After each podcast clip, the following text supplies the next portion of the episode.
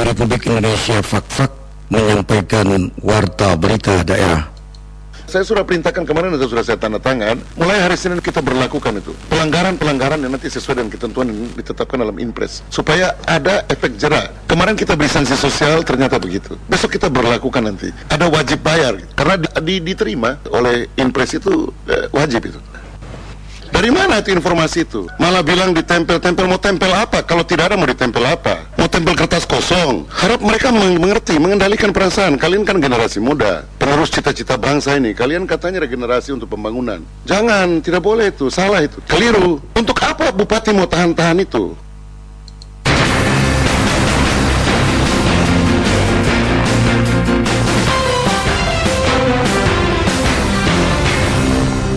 Selamat pagi, kami sampaikan sari berita. Sesuai instruksi Presiden nomor 6 tahun 2020, pemerintah Kabupaten Fakfak mulai hari ini menerapkan sanksi tegas bagi masyarakat yang melanggar atau tidak mematuhi himbauan protokol kesehatan. Bupati minta peserta testing CPNS Formasi 2018 untuk bersabar menanti saat pengumuman resmi tim Pansel. Inilah berita utama pagi ini selengkapnya bersama saya, Emsen Lamonja.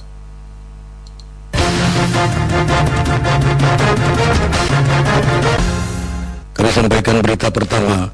Penyebaran virus corona secara umum di Indonesia semakin mengkhawatirkan, bahkan saat ini telah terindikasi virus tersebut mengalami mutasi ke arah lebih berbahaya.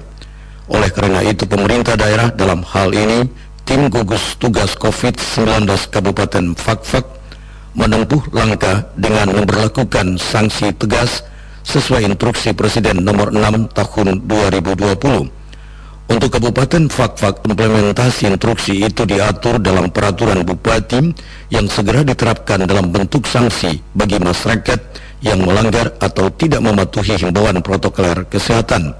Sanksi itu mulai diberlakukan Senin 14 September 2020 atau hari ini. Berikut penegasan Bupati selaku Ketua Gugus Tugas COVID-19 Kabupaten Fakfak masyarakat ini kan harus dimengerti terus ya, dikasih sadar terus. Ini juga kan tidak bagus. Ini soal penyakit. Saya lihat kemarin macam di Kokas ada yang mempersoalkan bahwa kenapa ada pejabat yang keluar langsung baru periksa di kota, terus ada masyarakat sudah tidak usah lagi pikir-pikir yang begitu. Yang penting mereka periksa. Kita juga tidak usah lagi memperhatikan orang, memperhatikan diri kita. Ini barang ini mematikan. Jadi cukup kita urus kita punya diri dan merasa bahwa mutlak kita harus mengikuti standar kesehatan. Kalau nanti mereka tidak mengikuti ketentuan itu, itu bisa saja nanti menjadi pengembangan di transmisi lokal ya. Kan berbahaya. Kita tidak bisa merasa bahwa kita ini punya imunitas, kekebalan yang terlalu tinggi. Jadi bukan pemerintah memaksa rakyat, pemerintah ingin supaya ada penegasan, supaya rakyat paham bahwa ini berbahaya. Bapak Presiden sudah membuat Inpres nomor 6 tahun 2020. Kemarin ada sanksi yang diberikan dalam bentuk push up Masyarakat protes juga dianggap pelanggaran hak asasi manusia.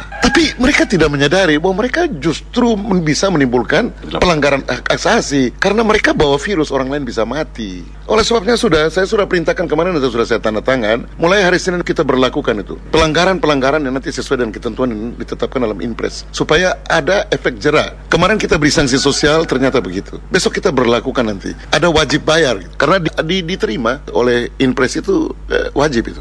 Nanti kita berlakukan itu 75 ribu satu orang. Kalau jalan tidak pakai masker, kalau jualan di pasar tidak pakai masker, kalau bekerja tidak pakai masker di kantor-kantor juga. Nanti ada tim yang sweeping itu. Nah begitupun terhadap toko-toko dan sebagainya, warung-warung ya, yang melaksanakan tugas pelayanan masyarakat itu. Itu harus ada air cuci tangan di depan, hand sanitizer di depan, dan mereka juga harus pakai masker. Apabila tidak, itu kita berikan pungutan lebih besar. Dana-dana itu kan di store di kas daerah nanti. Jadi nanti petugas itu membawa formulir itu. Dan nanti diambil fotonya supaya nanti rapat gugus itu rapat satgas dilaporkan kepada bupati sebagai penanggung jawab. Jadi pungutannya bukan pungutan liar, akan ada itu semua. Nanti dilibatkan itu polisi, tentara, satpol pp ya, termasuk tokoh-tokoh masyarakat. Termasuk polisi militer. Kita libatkan itu sebagai bagian-bagian dalam rangka penegakan kesadaran. Sebab ini bahaya, tingkat kenaikannya sudah bisa mencapai 10 kali. Kemudian virusnya sudah berubah. Bukan lagi virus COVID-19.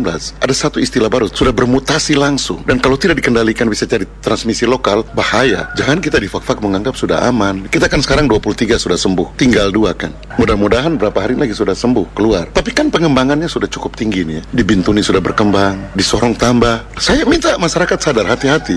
Ini berbahaya. Sungguh kita tidak menakut-nakuti dan tidak perlu takut. Ikuti saja ketentuan. Sekali lagi saya sampaikan, tidak perlu takut. Santai saja, tapi tetap dalam kondisi menghormati protokol COVID. Pakai masker, cuci tangan, jaga jarak, kemudian hindari kerumunan. Yang menjualan jual. Nanti ada periksa-periksa di pasar-pasar, termasuk di sekolah-sekolah dan segala macam. Kita akan melakukan sweeping besar-besaran. Dan itu nanti kita tempatkan petugas-petugas di situ untuk mencek. Ini sekarang sudah tidak bisa. Bapak Presiden instruksikan segera mengambil langkah. Karena ETD itu yang paling berbahaya. OTG sudah kurang sekarang. ODP sudah kurang. PDP sudah tidak ada lagi. Yang sekarang ini OTD, orang yang tidak mau diatur. Atau orang kepala batu OKB. Itu berbahaya sih. Tolong Bapak orang dari RRI juga dan para wartawan saya himbau supaya bantu. Sosialisasikan ini supaya kita semua selamat. Saya ini bupati, saya tahu. Saya ketua Satgas, ketua gugus. Jadi lebih baik berhenti dengan asumsi yang salah. Ini penyakit. Semua harus jaga diri. Itu aja. Tidak bisa kita terlalu nutup-nutup. Ekonomi ini harus berjalan. Beras harus masuk di sini.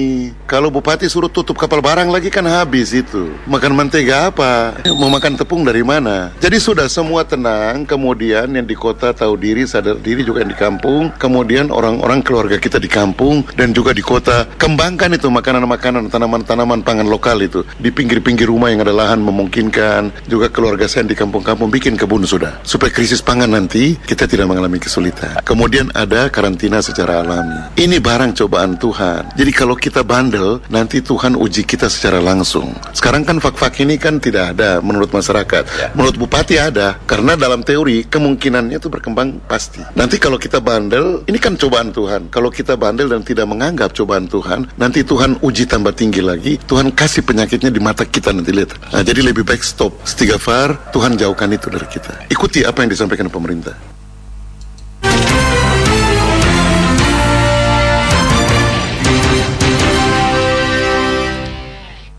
Peserta testing CPNS Formasi 2018 dihimbau untuk bersabar menanti saat pengumuman resmi tim Pansel. Selengkapnya mengenai himbauan tersebut berikut disampaikan Bupati Muhammad Uswanas dalam wawancara RRI berikut ini. Ya, baik Pak Bupati. Informasi terkait dengan pengumuman hasil kelulusan atau hasil CPNS pada formasi 2018. Informasi di masyarakat ini bahwa hasilnya itu sudah ada di fakta tapi belum diumumkan. Tanggapan Bapak terhadap informasi seperti ini.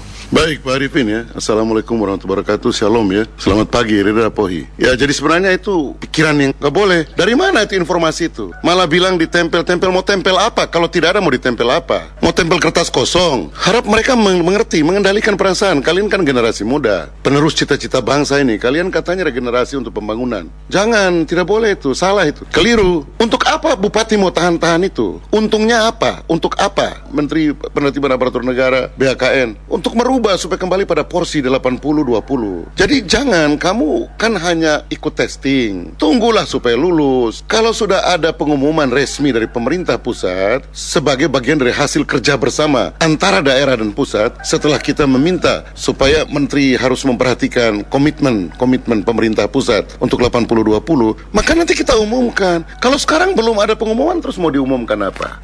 Jadi informasi itu tidak benar sama Tidak betul, ini saya bupati, saya kasih tahu tidak benar, mau ngapain saya tahan itu? Saya tidak perlu tahan-tahan. Saya ingin cepat diumumkan supaya mereka juga dipanggil yang lulus, kemudian diproses untuk prosedur, mereka lalu kemudian disiapkan untuk nanti masuk dalam berbagai bimbingan-bimbingan teknis. Jadi harap tunggu sebentar. Nanti kalau sudah ada kita umumkan. Menurut Bapak, apa yang ditunggu itu Pak?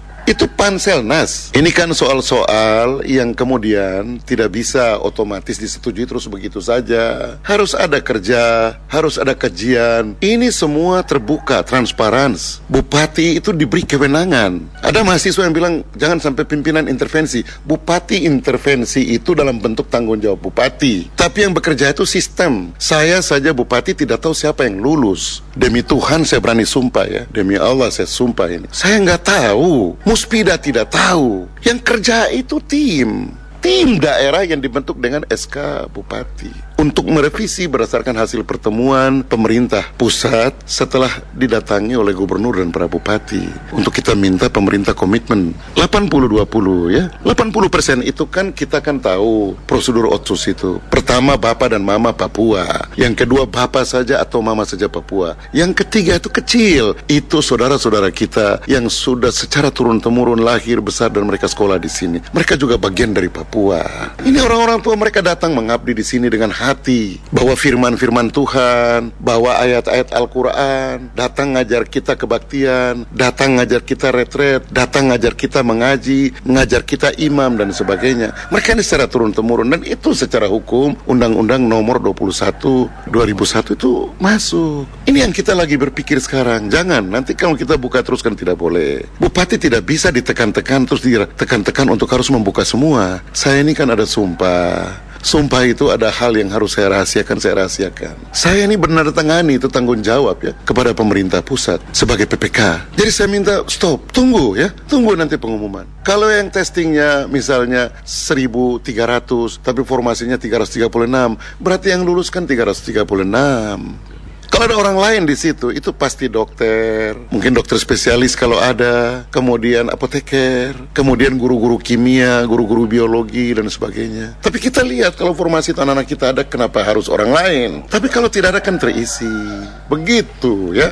Jadi saya sudah kerja ya, kita ini sudah bekerja, mempertaruhkan jiwa dan raga untuk kita punya anak-anak orang asli Papua ini. Harap mereka mengerti itu. Saya ini orang Papua. Kita pertaruhkan semua itu untuk mereka harus lulus. Nanti 2019 kita berusaha lagi supaya proporsi mungkin 30 persen kah, 25 persen kah kita dapat dari pusat untuk nanti yang kurang kemarin kita luluskan lagi. Apalagi yang kurang oleh pemerintah. Ini kan diberikan semua dalam konteks nasional supaya mendorong percepatan pembangunan di daerah kita. Jadi saya dengan segala hormat saya minta saya punya adik-adik ini, anak-anak ini, keponakan-keponakan ya, cucu-cucu ini ya, mereka ini semua tenang. Kita sudah kerja, tunggu saja. Kalau sudah ada nanti kita umumkan. Nanti kita juga berjuang, masih tetap berjuang untuk ada porsi 2019 supaya langsung dari kekurangan kemarin kita berikan lagi porsi 80-20 persen sesuai dengan jumlah porsi yang sudah diberikan. Itu usulan bupati, fak-fak ya. Yang jelas, adik-adik kita juga harus belajar menguji kualitas. Begitu. Saya minta dengan segala hormat mereka harus belajar. Lulus saja kalau tidak belajar juga percuma. Karena nanti mereka ini kan yang menggerakkan roda pemerintahan. Mereka ini akan menjadi abdi-abdi masyarakat. Mereka menjadi pegawai negeri sipil yang profesional. Belajar. Seribu kali orang bantu tentang kita tidak sama ketika kita sendiri menyadari itu penting. Untuk kita pudiri, untuk keluarga kita, untuk suku kita, dan juga untuk kepentingan pembangunan daerah kita. Ini sudah waktu kamu bilang kan harus kita. Baik, baik Pak Bupati, terima kasih atas penjelasannya. Sudah pendengar, demikian yang dapat disampaikan uh, dari Pak Bupati. Sekian, terima kasih atas perhatian Anda. Sampai jumpa.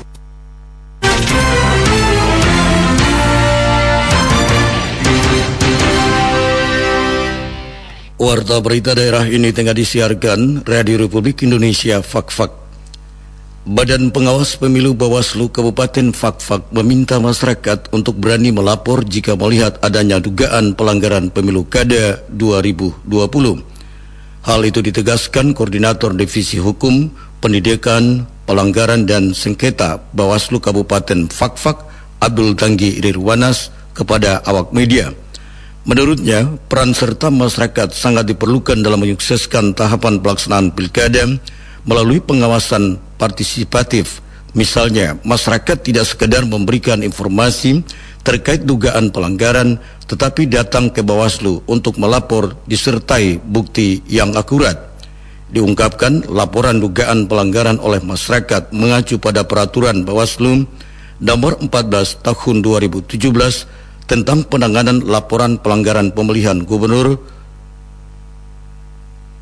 dan wakil gubernur, bupati dan wakil bupati serta wali kota dan wakil wali kota di mana pada pasal 6 ayat 1 per Bawaslu tersebut berbunyi laporan dugaan pelanggaran pada setiap tahapan penyelenggaraan pemilihan dapat disampaikan oleh warga negara Indonesia yang mempunyai hak pilih pada pemilihan setempat. Ditambahkan Tanggi Irwanas, selain masyarakat, pemantau dan peserta pemilihan juga bisa melaporkan jika ada dugaan pelanggaran pilkada di Kabupaten Fakfak namun tetap disertai bukti.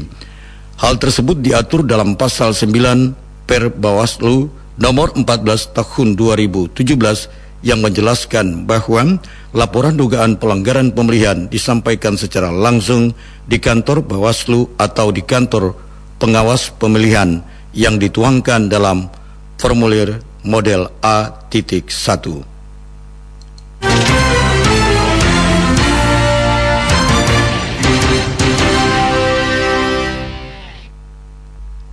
Saudara, pelaksanaan tahapan penyelenggaraan pemilihan kepala daerah di tengah pandemi COVID-19 harus menjadi perhatian semua pihak. Terkait hal ini, Kapolres Fakfak AKBP Ongki Isgunawan menyampaikan bahwa pentingnya penerapan protokol kesehatan dalam pelaksanaan tahapan Pilkada Desember mendatang. Diungkapkan Kapolres untuk aturan tentang protokol kesehatan sudah sangat jelas tertuang dalam peraturan Komisi Pemilihan Umum PKPU nomor 10 tahun 2020 tentang perubahan atas PKPU 6 tahun 2020 tentang pilkada dalam kondisi bencana non alam. Selain itu, ada instruksi Presiden nomor 6 tahun 2020 tentang peningkatan disiplin dan penegakan hukum protokol kesehatan dalam pencegahan dan pengendalian COVID-19. Kapolres juga mengingatkan kepada masyarakat, calon kepala daerah dan juga partai politik agar tetap dalam mematuhi protokol kesehatan guna mencegah penyebaran COVID-19. Diungkapkan semua aturan-aturan yang mengatur tentang protokol kesehatan dan juga aturan yang masih berkaitan untuk bisa diterapkan kepada yang melanggar namun pelanggarannya terkait PKPU 6 lanjutnya akan menjadi kewenangan Bawaslu. Kapolres juga menghimbau kepada seluruh warga masyarakat Fakfak untuk selalu tetap berikhtiar dalam menerapkan protokol kesehatan karena ancaman COVID-19 itu nyata karena sudah ribuan orang meninggal dunia sehingga perlu menjadi perhatian semua pihak dalam mencegahnya.